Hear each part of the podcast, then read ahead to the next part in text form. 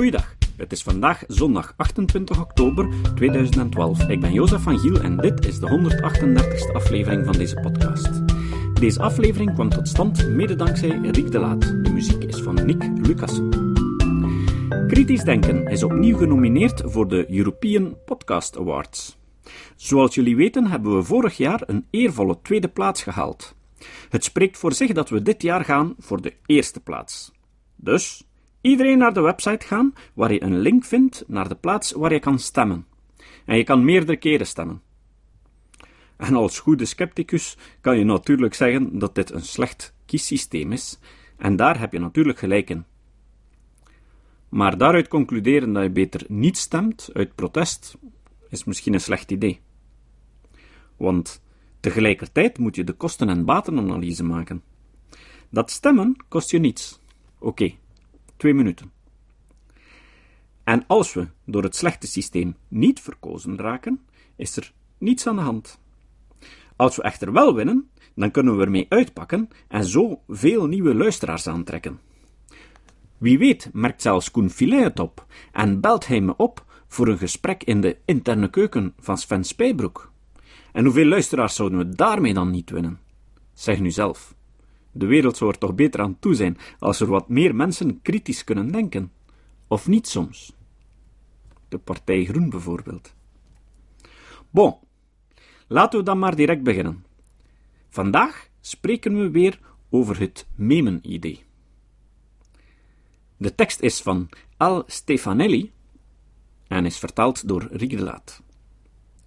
Religieus geloof, een geestesvirus dat teert op angst.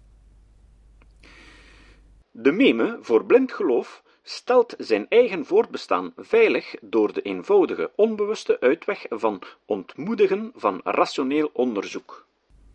Richard Dawkins. Memetica is een uitvloeisel van de evolutionaire psychologie. Ze werd als een theorie over wat er in je hoofd omgaat geïntroduceerd door Richard Dawkins in zijn boek Het zelfzuchtige gen van 1976. Ze is direct verbonden met de Darwinistische evolutie en heeft, in een notendop, te maken met hoe informatie, de zogenaamde units, worden gerepliceerd en overgedragen binnen een bepaalde cultuur. Wetenschappers zijn het nog niet eens over de manier waarop de replicatie van deze eenheden van informatie menselijk gedrag en cultuur sturen. Toen Dawkins de term bedacht, was het dan eerder speculatief. Memen en hun relatie met hun menselijke dragers met betrekking tot het fenomeen van religieus geloof worden ook ondersteund door andere vooraanstaande wetenschappers, zoals de beroemde filosoof Daniel Dennett. Een virus van de geest. In 1991 schreef Richard Dawkins een essay met de titel Virussen van de geest. Hierin werd memetica toegepast om de verschillende kenmerken van de georganiseerde religies te verklaren. Susan Blackmore, een fysioloog die ook memetica bestudeert, is het eens met Dawkins en Dennett met de definitie van een meme als iets dat wordt overgedragen van de ene persoon naar de andere. Memen zijn replicators met variaties. Ze beconcurreren elkaar voor een plaats in ons geheugen en voor de kans om te worden gekopieerd. Maar het zijn geen kopieën. Zoals bij de Darwiniaanse evolutie kunnen niet alle varianten overleven omdat iedereen op een andere manier iets onthoudt. Het zijn eerder imitaties, geen kopieën. De ideeën kunnen dezelfde of gelijkend zijn, maar de expressie kan veranderen en er zullen verschillende varianten ontstaan. Dit is zoals mutatie in de Darwinistische evolutie. Mutaties kunnen in de ontwikkeling van bepaalde memen zeer ingrijpend zijn. Zelfs in de eerste generatie kunnen het al imitaties zijn. In zijn boek De Kapelaan van de Duivel identificeert en verklaart Dawkins de verschillen tussen het informatieve memetische proces en het controversiële memetische proces. Het controversiële memetische proces is gebaseerd op een idee, actie of expressie met hoge variatie en het informatieve is eerder een zelfcorrigerend memetisch proces dat zeer goed bestand is tegen evolutionaire mutatie. Scott Bitstrup maakt gebruik van een grap als een uitstekende analogie voor een meme. Iemand vertelt een grap. Dat is de besmetting. De grap wordt doorverteld. Dat is de reproductie. De grap ondergaat variaties. Dat zijn mutaties. Sommige virussen zijn relatief onschuldig, zoals een grap, terwijl anderen dodelijk kunnen zijn. Een virus kan zijn eigen einde veroorzaken, want uiteindelijk sterft het uit. Maar wat het achterlaat kan rampzalig zijn. Religies zijn geen levende wezens, maar het zijn wel entiteiten omwille van hun zelfreplicerende karakter.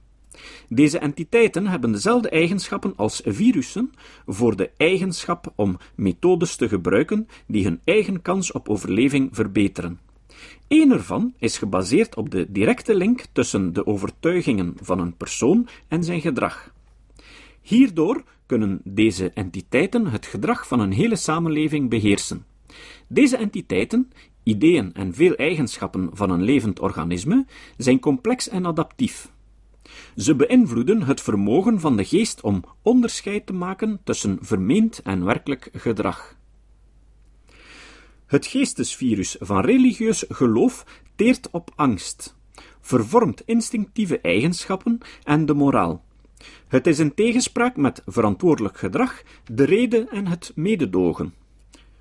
Het verdaagt de vrije wil en maakt het moeilijk om onderscheid te maken tussen rationele en irrationele keuzes. Het maakt het de religionist mogelijk perfect rationeel te denken over vele aspecten van zijn bestaan in de samenleving, terwijl het besmette gebied van zijn geest vastzit in een cyclische waan. Een virus valt zijn gastheer aan op de meest kwetsbare plek. In de maatschappij is die plek onze jeugd, vooral zeer jonge kinderen. Daarom bestaan er zoveel jeugdactiviteiten binnen de kerk. Deze activiteiten spreken kinderen aan om te leren door middel van aangename ervaringen. Zondagsschoollessen voor zeer jonge kinderen worden gemodelleerd naar de kleuterschool en de lagere school. Voor de oudere kinderen zijn er sportkampen en excursies. Het geheel van de contemporary Christian music genre is ontworpen om de moderne en postmoderne seculiere muziek te weerspiegelen. Dit is adaptatie of aanpassing. Ook een begrip uit evolutietheorie. Als kinderen niet volledig opgeleid zijn, zijn ze niet in staat om de reden en de logica achter wat ze verteld wordt te begrijpen. Door de evolutie zijn menselijke kinderen voorbestemd om volwassenen te geloven op gezag. Dit is de reden waarom de structuur van het één leraar, meerdere leerlingen onderwijssysteem blijft werken in weerwil van het hogere niveau van de één tot één educatieve omgeving. Laat de kinderen tot mij komen. Dit maakt dat kinderen zeer eenvoudig te infecteren zijn. Dit is verspreiding en drager. Het grote aantal kinderen in onze openbare scholen is de reden waarom er een krachtige stroming onder de fundamentalisten is om gebed en bijbels onderwijs terug in te voeren, maar ook onlogische en weerlegde ideologieën zoals creationisme en intelligent design. Hoe langer de infectie van de gastheer doorgaat, des te moeilijker is het om ze uit te roeien. Dr. Richard Dawkins zegt het zo. Een mensenkind is door de evolutie zo gevormd dat het de cultuur van haar volk in zich opneemt. In enkele maanden tijd maakt het zich de essentie van hun taal eigen. Duizenden woorden om te spreken, een encyclopedie van informatie om over te spreken, ingewikkelde syntactische en semantische regels om het spreken te ordenen. Dat wordt allemaal van oudere hersenen op de hare overgedragen, voor ze de helft van haar volwassen grootte bereikt.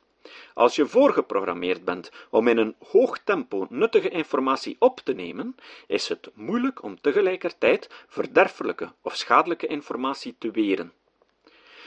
Met zoveel geestesbytes te downloaden, met zoveel mentale codons die moeten worden gerepliceerd, is het geen wonder dat kinderhersenen goedgelovig zijn openstaan voor bijna elke suggestie, kwetsbaar zijn voor subversieve, een gemakkelijke prooi voor moenies, scientologen en nonnen. Net als immuundeficiënte patiënten staan kinderen wijd open voor mentale infecties die volwassenen moeiteloos kunnen weerleggen. Dr. Dawkins vergelijkt het virus van het christendom, of de islam, met een computervirus. Gedachtenvirussen zijn voor hun slachtoffers moeilijk te onderkennen. Als je er het slachtoffer van bent, is de kans groot dat je het niet doorhebt en kan je het zelfs heftig ontkennen. Hij definieert het geloof als een overtuiging die niet geeft om bewijs of reden, maar toch helemaal dwingend en overtuigend aanvoelt. De geïnfecteerde gelovige ziet de afwezigheid van bewijs zelfs als een deugd. Dit paradoxale idee dat gebrek aan bewijs een positieve deugd is, maakt het virus in staat om zichzelf te repliceren door zijn zelfinstandhoudende en zelfreferentiële karakter. Verder zegt hij: Zodra deze stelling wordt aangenomen, ondermijnt ze automatisch elk verzet tegen zichzelf. De idee dat gebrek aan bewijs een deugd is, is een geweldige compaan en vormt met het geloof zelf een kliek van wederzijds ondersteunende virale programma's.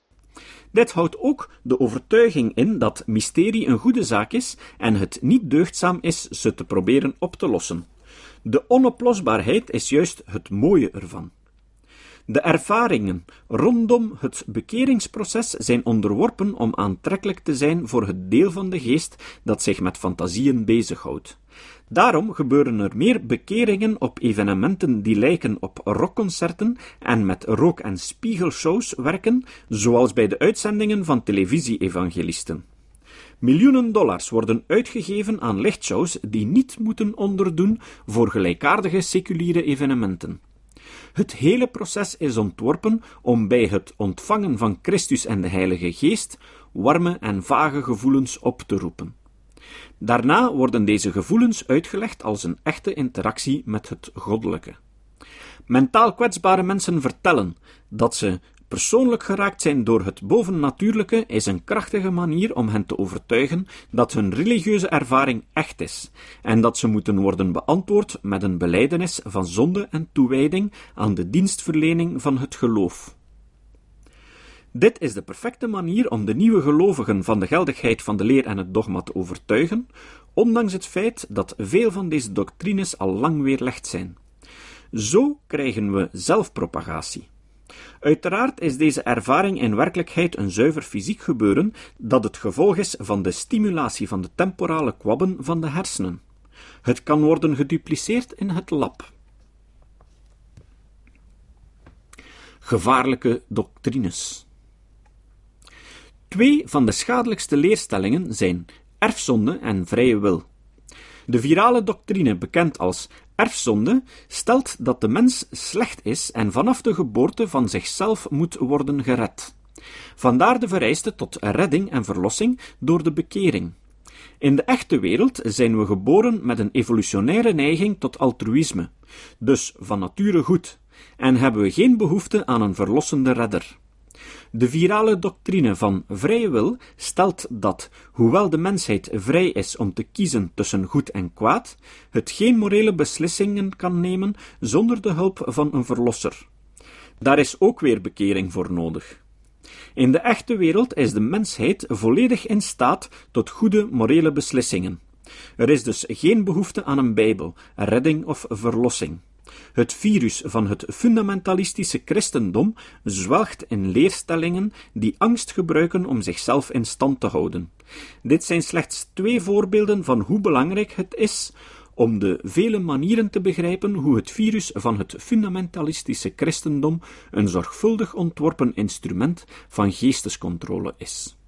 Het is in strijd met de menselijke natuur, het is door de eeuwen heen uitgegroeid tot een infectie die bijna totale controle heeft over het gedrag en het denken van de fundamentalist. Circulaire logica en de angst voor eeuwige straf dienen om de gelovige opgesloten te houden in een dwangbuis die geen onderzoek van feitelijke wetenschap toestaat. Maar dit vervangt door religieuze pseudowetenschappen om aan het natuurlijke verlangen om te leren te voldoen. Net als een fysiek virus beschermt het fundamentalistische christendom zichzelf door de geïnfecteerde gastheer tegen externe aanvallen af te schermen. Zo wordt de wereld in discrediet gebracht. Elk bewijs dat in strijd is met de leer wordt moedwillig genegeerd en onderwezen als vervolging. In de echte wereld veroorzaakt deze rem op de groei van intelligentie een afname van de geestelijke gezondheid, omdat elk onderwijs het filter van de erkende kerkelijke doctrine moet passeren.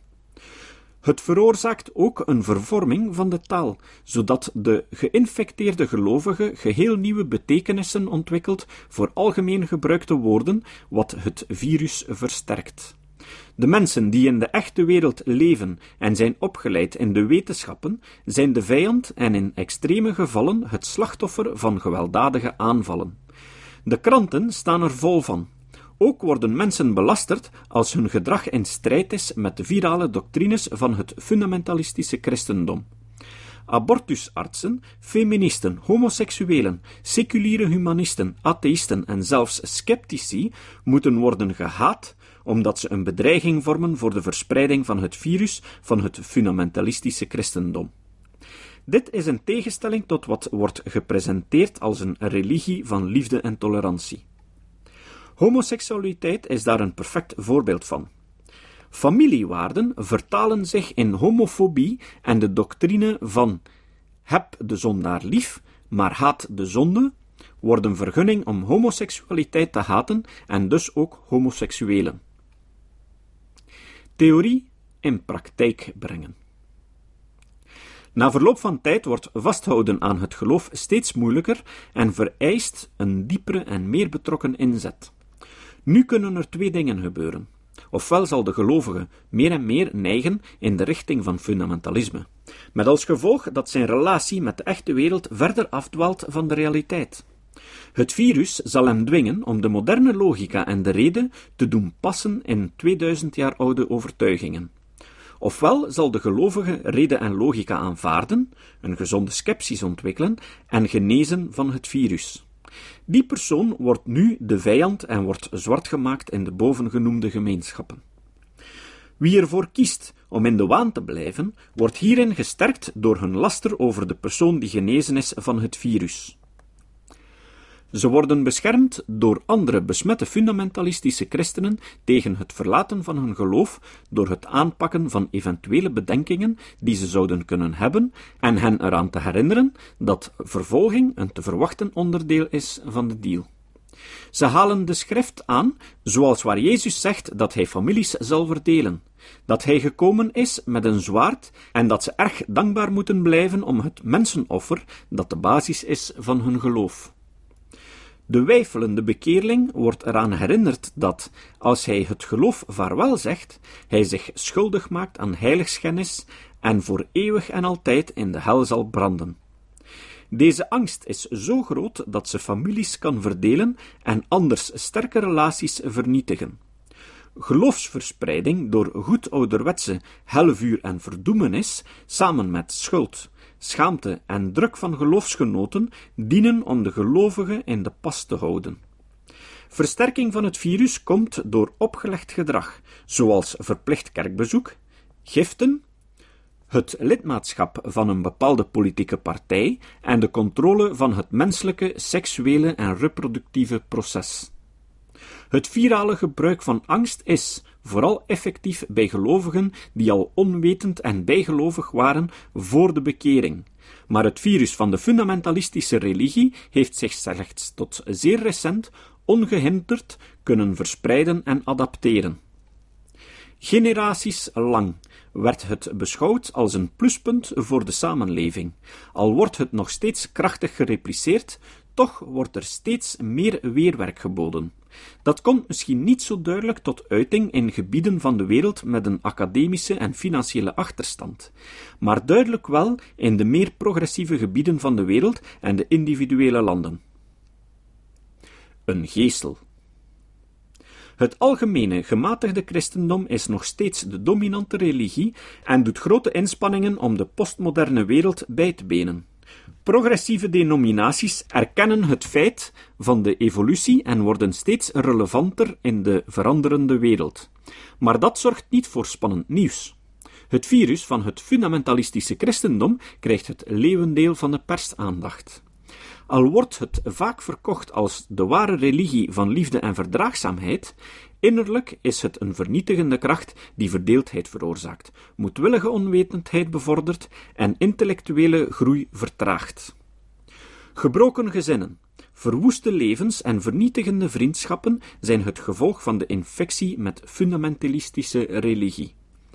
Ik hoop dat op een dag reden en rationaliteit mogen zegevieren en de infectie, waar onze samenleving aan leidt, als gevolg van het virus van de fundamentalistische religie, zal worden uitgeroeid.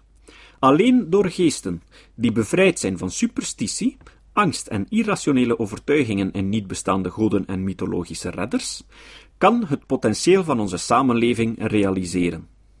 De opkomst van het atheïsme op de planeet Aarde maakt het voortbestaan van een fundamentalistische religieuze overtuiging in onze postmoderne wereld problematisch.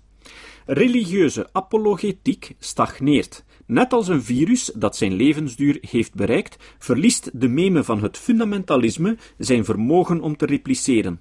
Het wordt verzwakt omdat er geen nieuwe ontdekkingen of inzichten waren sinds de heiligverklaringen van de Bijbelse teksten.